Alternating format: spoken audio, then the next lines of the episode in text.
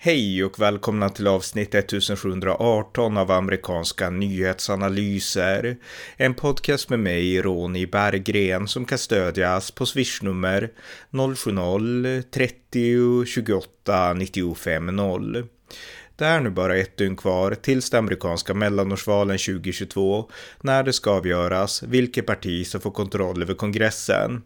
De djupa analyserna har jag redan gjort, så i detta avsnitt följer en analys av kandidaterna med roligast reklamsnuttar. Underhållningen är nämligen en faktor som inte går att underskatta i amerikansk politik. Varmt välkomna!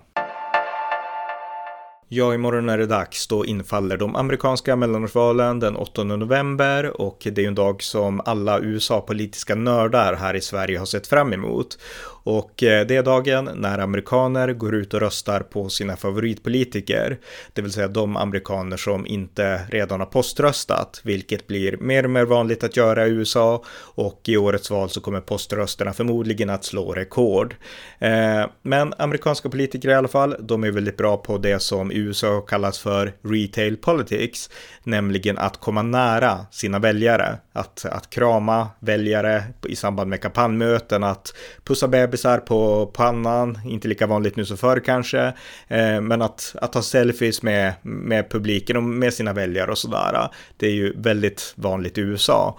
Och det har ju kommit till Sverige det här också. Men faktum är att vi har inte riktigt samma eh, politiska kultur i Sverige som man har i USA. Vi är inte lika nära våra väljare, därför att i Sverige så bygger vi politiken på partier, medan man i USA bygger politiken på kandidaten, personen. Så att det skiljer våra eh, politiska kulturer åt. Och eh, ett bra exempel för att verkligen illustrera det, det var när USAs republikanske president George W. Bush besökte Sverige sommaren 2001 då åkte han vid ett tillfälle taxi, eller om det kanske var livvakt på bil eller någonting, eller Secret Service kanske, tillsammans med vår statsminister, socialdemokraten Göran Persson.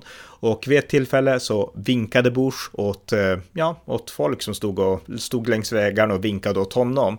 Och eh, då sa Göran Persson enligt uppgifter att eh, sånt där skulle jag aldrig våga, det är jag för blyg för, sa Göran Persson.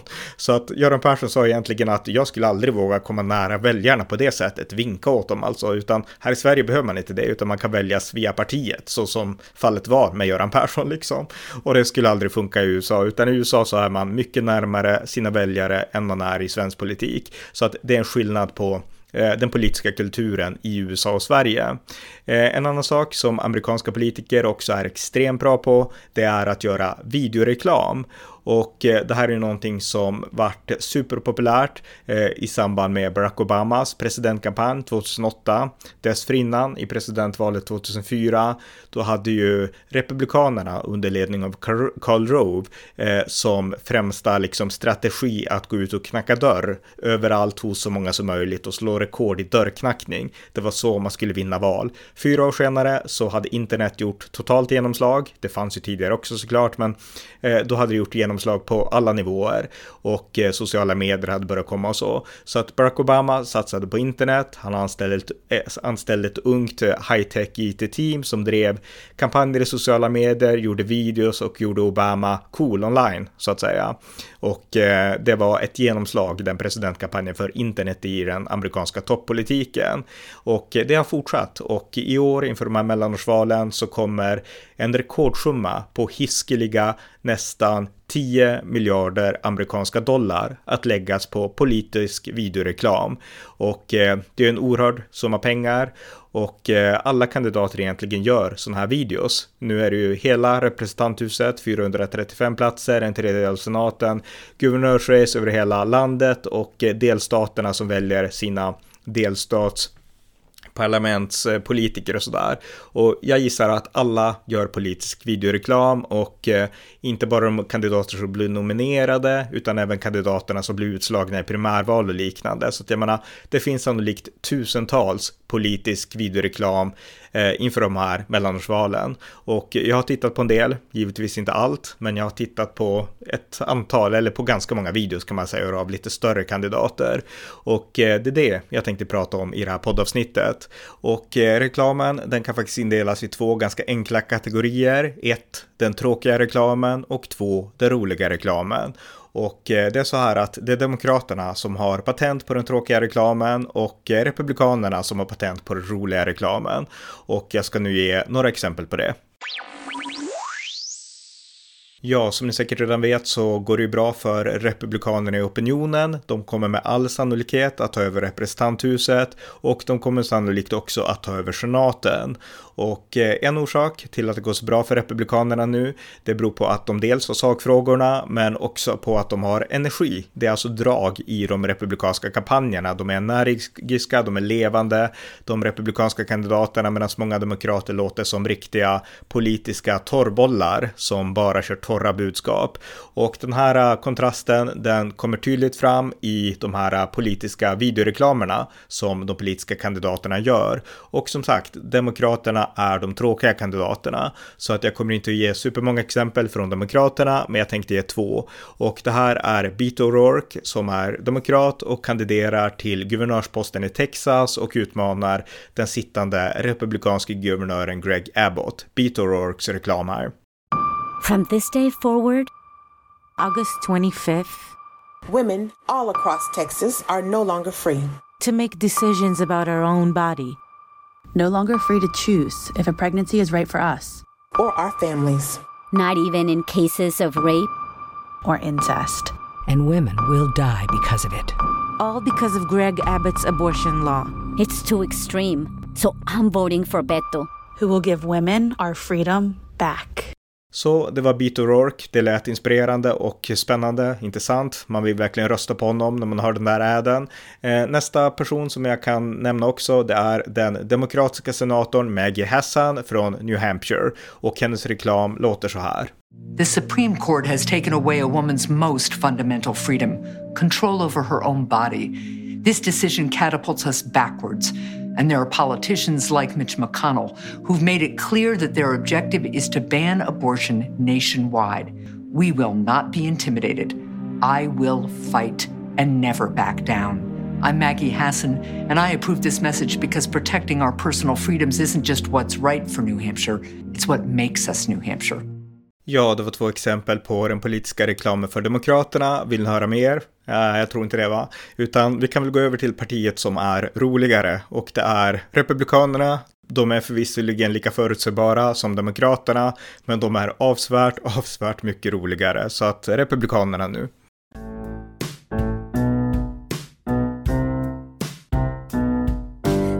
Utah District 12, listen up right here. There's a new name on the ballot for the Senate this year. My name is Linda Paulson, Republican and awesome. Love God and family and the Constitution. I tried to get another conservative to run. Nobody could do it, so I'm getting it done. Ja, det var Linda Paulson, en gråhårig farmor från Utah som kandiderar till Utahs delstatssenat med den här videon. Och med stor sannolikhet så kommer hon att komma in, vi får se, men, men jag skulle tro det, för videon har trendat på sociala medier och överallt och det var till och med en känd rappare som gjorde en en eh, ommixning på den här låten. Så att eh, Linda Paulson från Utah som rappar, mycket roligare än någon demokratisk video. Eh, om vi går vidare så är det så här också att i primärvalen som partierna hållit inför de här mellanårsvalen, när alltså partiet internt fightas om vem som ska bli partiets officiella kandidat, då har vapenfrågan varit viktig för republikanerna då i synnerhet. Republikanerna är ju partiet som vill skydda rätten att äga och bära vapen, medan demokraterna i mångt och mycket motsätter sig den rätten. Och eh, i republikanernas primärval i Arizona så var det en fight om vem som skulle bli partiets eh, eh senatskandidat. Eh, vinnaren blev Blake Masters som nu utmanar utmanade sittande demokratiske senatorn Mark Kelly. Men i primärvalet i somras så utmanades han av en annan demokrat som hette Jim Lamon. Och Jim Lamon, han gjorde en videoreklamsnutt där han utmanar i klassisk vilda västern-miljö med en saloon bakom sig med cowboyboots, cowboyhatt. Så utmanar han eh, Nancy Pelosi, Joe Biden och demokratiske senatorn då Mark Kelly på en duell, en revolverduell. Och där ska man egentligen se, videon finns på YouTube, men här är ljudet, lyssna. It's an easy game! The good people of Arizona have had enough of you. It's time for a showdown. I'm Jim Lehman, and I approve this message. Ja, det var alltså den republikanska Arizona-politikern Jim Lemons ad och det ska sägas att den här körde han också på Super Bowl som reklam. Han hade pengar så han kunde köra den på Super Bowl. Så att alla som var på Super Bowl, de såg också den här reklamen när Jim Lemon eh, jagar iväg eh, Joe Biden, Nancy Pelosi och eh, Mark Kelly i en revolverduell. Mycket, mycket underhållande. Eh, men han förlorade som sagt och han förlorade mot Blake Masters och då kan man tänka att Blake Masters, han kan ju inte ha gjort en sån här reklam utan han måste ha pratat om större seriösa frågor, inflationen, bensinpriser. Men det här är Blake Masters som vann Republikanernas primärval till senaten i Arizona. This is a short barreled rifle. It wasn't designed for hunting. This is designed to kill people. The Second Amendment is not about duck hunting. It's about protecting your family and your country. I'm Blake Masters.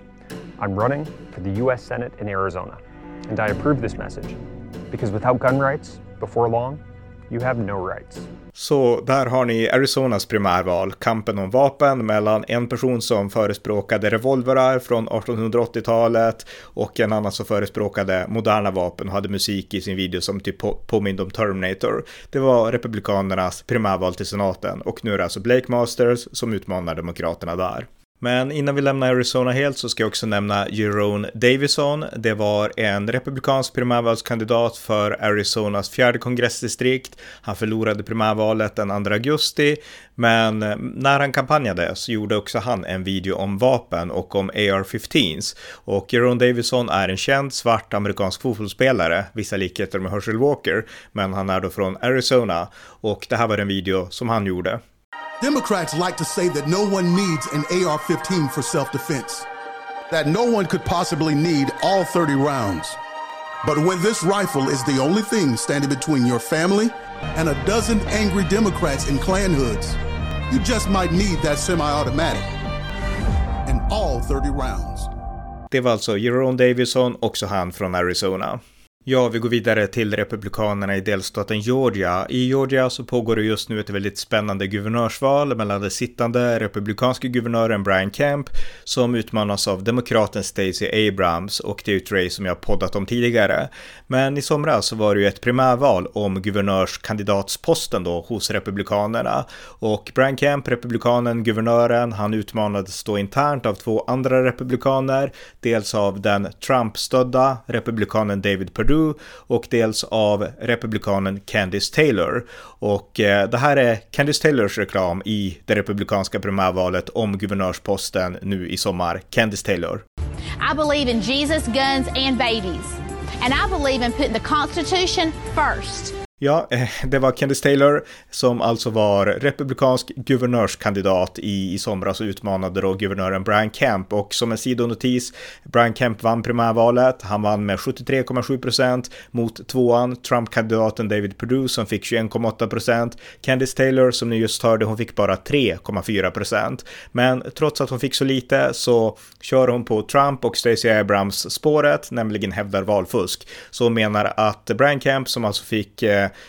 ungefär, ja, mer än 800 000 fler röster än henne. På något sätt har han fuskat och hon vann egentligen. Ungefär så tänker Candice Taylor. Men hon är ute nu i alla fall och det var mest den här videon jag ville ge ett exempel på då. Men hon är långt ifrån ensam i Georgia om att prata om vapen.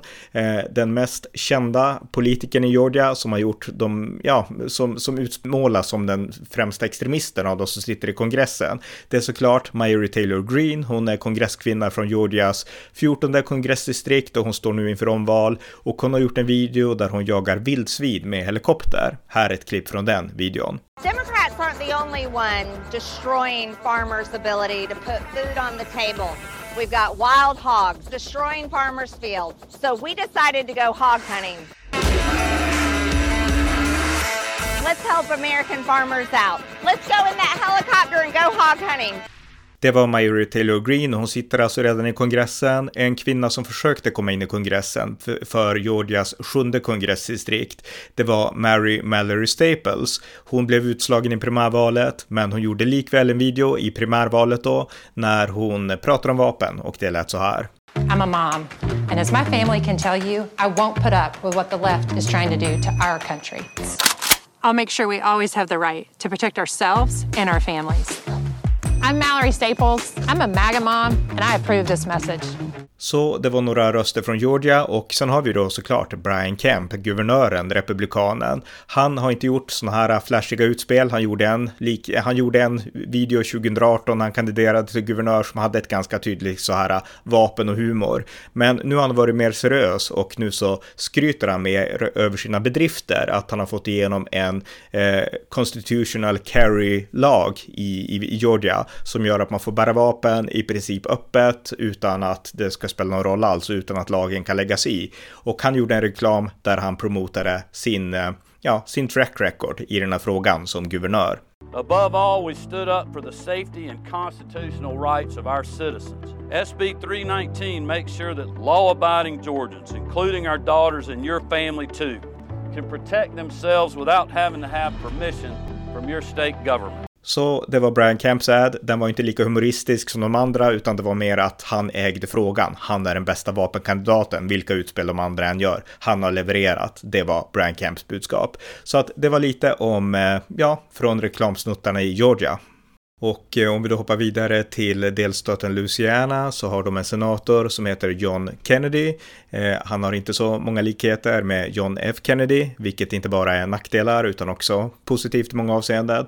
Men han är hur som helst John Kennedy, senator från Louisiana. Han vann valet 2016 och han står nu inför omval. Och han har gjort en reklam där han kritiserar de som vill defund the police. Och det har han spetsat till, så hans reklam låter så här. Violent crime is surging in Louisiana. I opposed defunding the police. Look, if you hate cops just because they're cops, the next time you get in trouble, call a crackhead. I'm John Kennedy, and I approve this message. Ja, där fick ni några exempel på Republikanernas reklam och det var ju såklart mycket roligare än Demokraternas.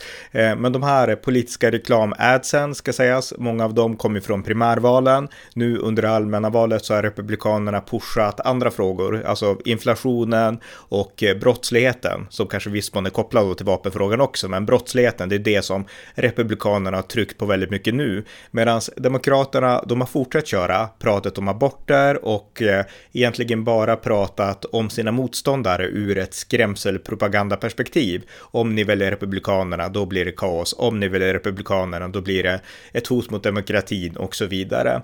Så att Demokraterna har inte förändrat sig så mycket. Medan Republikanerna, de körde mycket vapen i primärvalen och eh, sen så fokuserar man på då frågor som väljare i ett allmänt val tycker är viktigt. Inflationen, kriminaliteten. Så att eh, så ser spelplanen ut i förhållande till hur man har bedrivit politisk videoreklamkampanjerna då.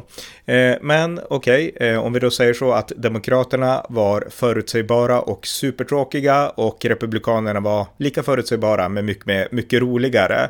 Fanns det då någon demokrat som också var rolig? Och svaret är att eh, racets eller midterms mest tråkiga demokrat, han har lyckats att i videos vara roligt, rolig. Och det är ingen annan än Ohios demokratiska senatskandidat Tim Ryan. Alltså det här är en person som är supertråkig. Bara man tittar och lyssnar på honom så är han inte rolig. Han fixar inte spontant, utan han, är, han, är, alltså han framstår tråkig. Men han har en uppfattning av att eh, av att förstå vikten av att vara humoristisk. Så i motsats till många andra demokrater så har han gjort videoreklam som faktiskt är rolig och underhållande.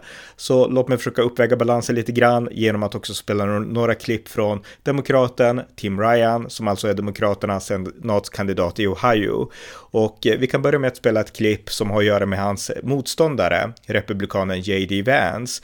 Och eh, det här är ett klipp från när Donald Trump kampanjade för J.D. Vance i Ohio för ungefär en dryg månad sedan. Lyssna på det här klippet. And then the New York Times did a fake story today, big front page, that JD wasn't sure if he wanted my support. JD is kissing my ass. He wants my support. I'm 18 points up. Det var alltså Donald Trump som gav sitt stöd till Ohios republikanske senatskandidat J.D. Vance. Men just det här med att Trump sa att J.D. Vance hade kissed his ass, det var någonting som demokraten då, Tim Ryan, demokraternas senatskandidat, snappade upp och han gjorde en sak av det. Och i debatten som hölls mellan Tim Ryan och J.D. Vance så påminde Tim Ryan om vad Trump hade sagt om J.D. Vance. Det lät så här. Like just a few weeks ago in, in Youngstown, on the stage, uh, Donald Trump said to J.D. Vance, All you do is kiss my ass to get my support. He said that. And here's the thing that's most troubling about this lack of courage is that after Trump took J.D. Vance's dignity from him on the stage in Youngstown, J.D. Vance got back up on stage and said, started shaking his hand, taking pictures, saying, Hey, aren't we having a great time here tonight? I don't know anybody I grew up with. I don't know anybody I went to high school with that would allow somebody to take their dignity like that. We need leaders who have courage to take on their own party. And I've proven that. And he was called an ass kisser by the former president. Tim Ryan har fortsatt också göra politisk reklam och där i Ohio så måste man ju nå folk i landsbygden, alltså vanliga lantisar om man säger så då. Och eh, han har gjort mycket reklam för att förklara att J.D. Vance har ett, ja, han har dåliga vänner helt enkelt. Här är en, en snutt av en annan reklam från Tim Ryan. What if J.D. Vance was like your teenage kid and he came up to you and he said, Mom, Dad, I want to go out. And you say, Who you going with? And he says, Marjorie Taylor Greene. right? And you're like, Marjorie, she wants to overthrow the government, man. Like, what are you doing? Well, who else is going? Ted Cruz. Ted Cruz? Trump said his dad killed Kennedy. Can't be going out with him. Well, then you say, like, you know, who's driving? Alex Jones. Alex Jones is driving. He thought Sandy Hook didn't happen. Where are you guys going? Ron DeSantis' house. Och eh, jag har ju pratat mycket om vapenfrågan som Republikanerna har tagit patent på. Tim Ryan, han fattar mycket väl att många i Ohio gillar vapen och han är demokrat och han vet mycket väl vilket rykte hans parti har bland vapenägare. De gillar inte demokraterna. Så att Tim Ryan gjorde en ad som handlade om vapen och eh, han står då på en skjutbana och skjuter prick och eh, den låter så här.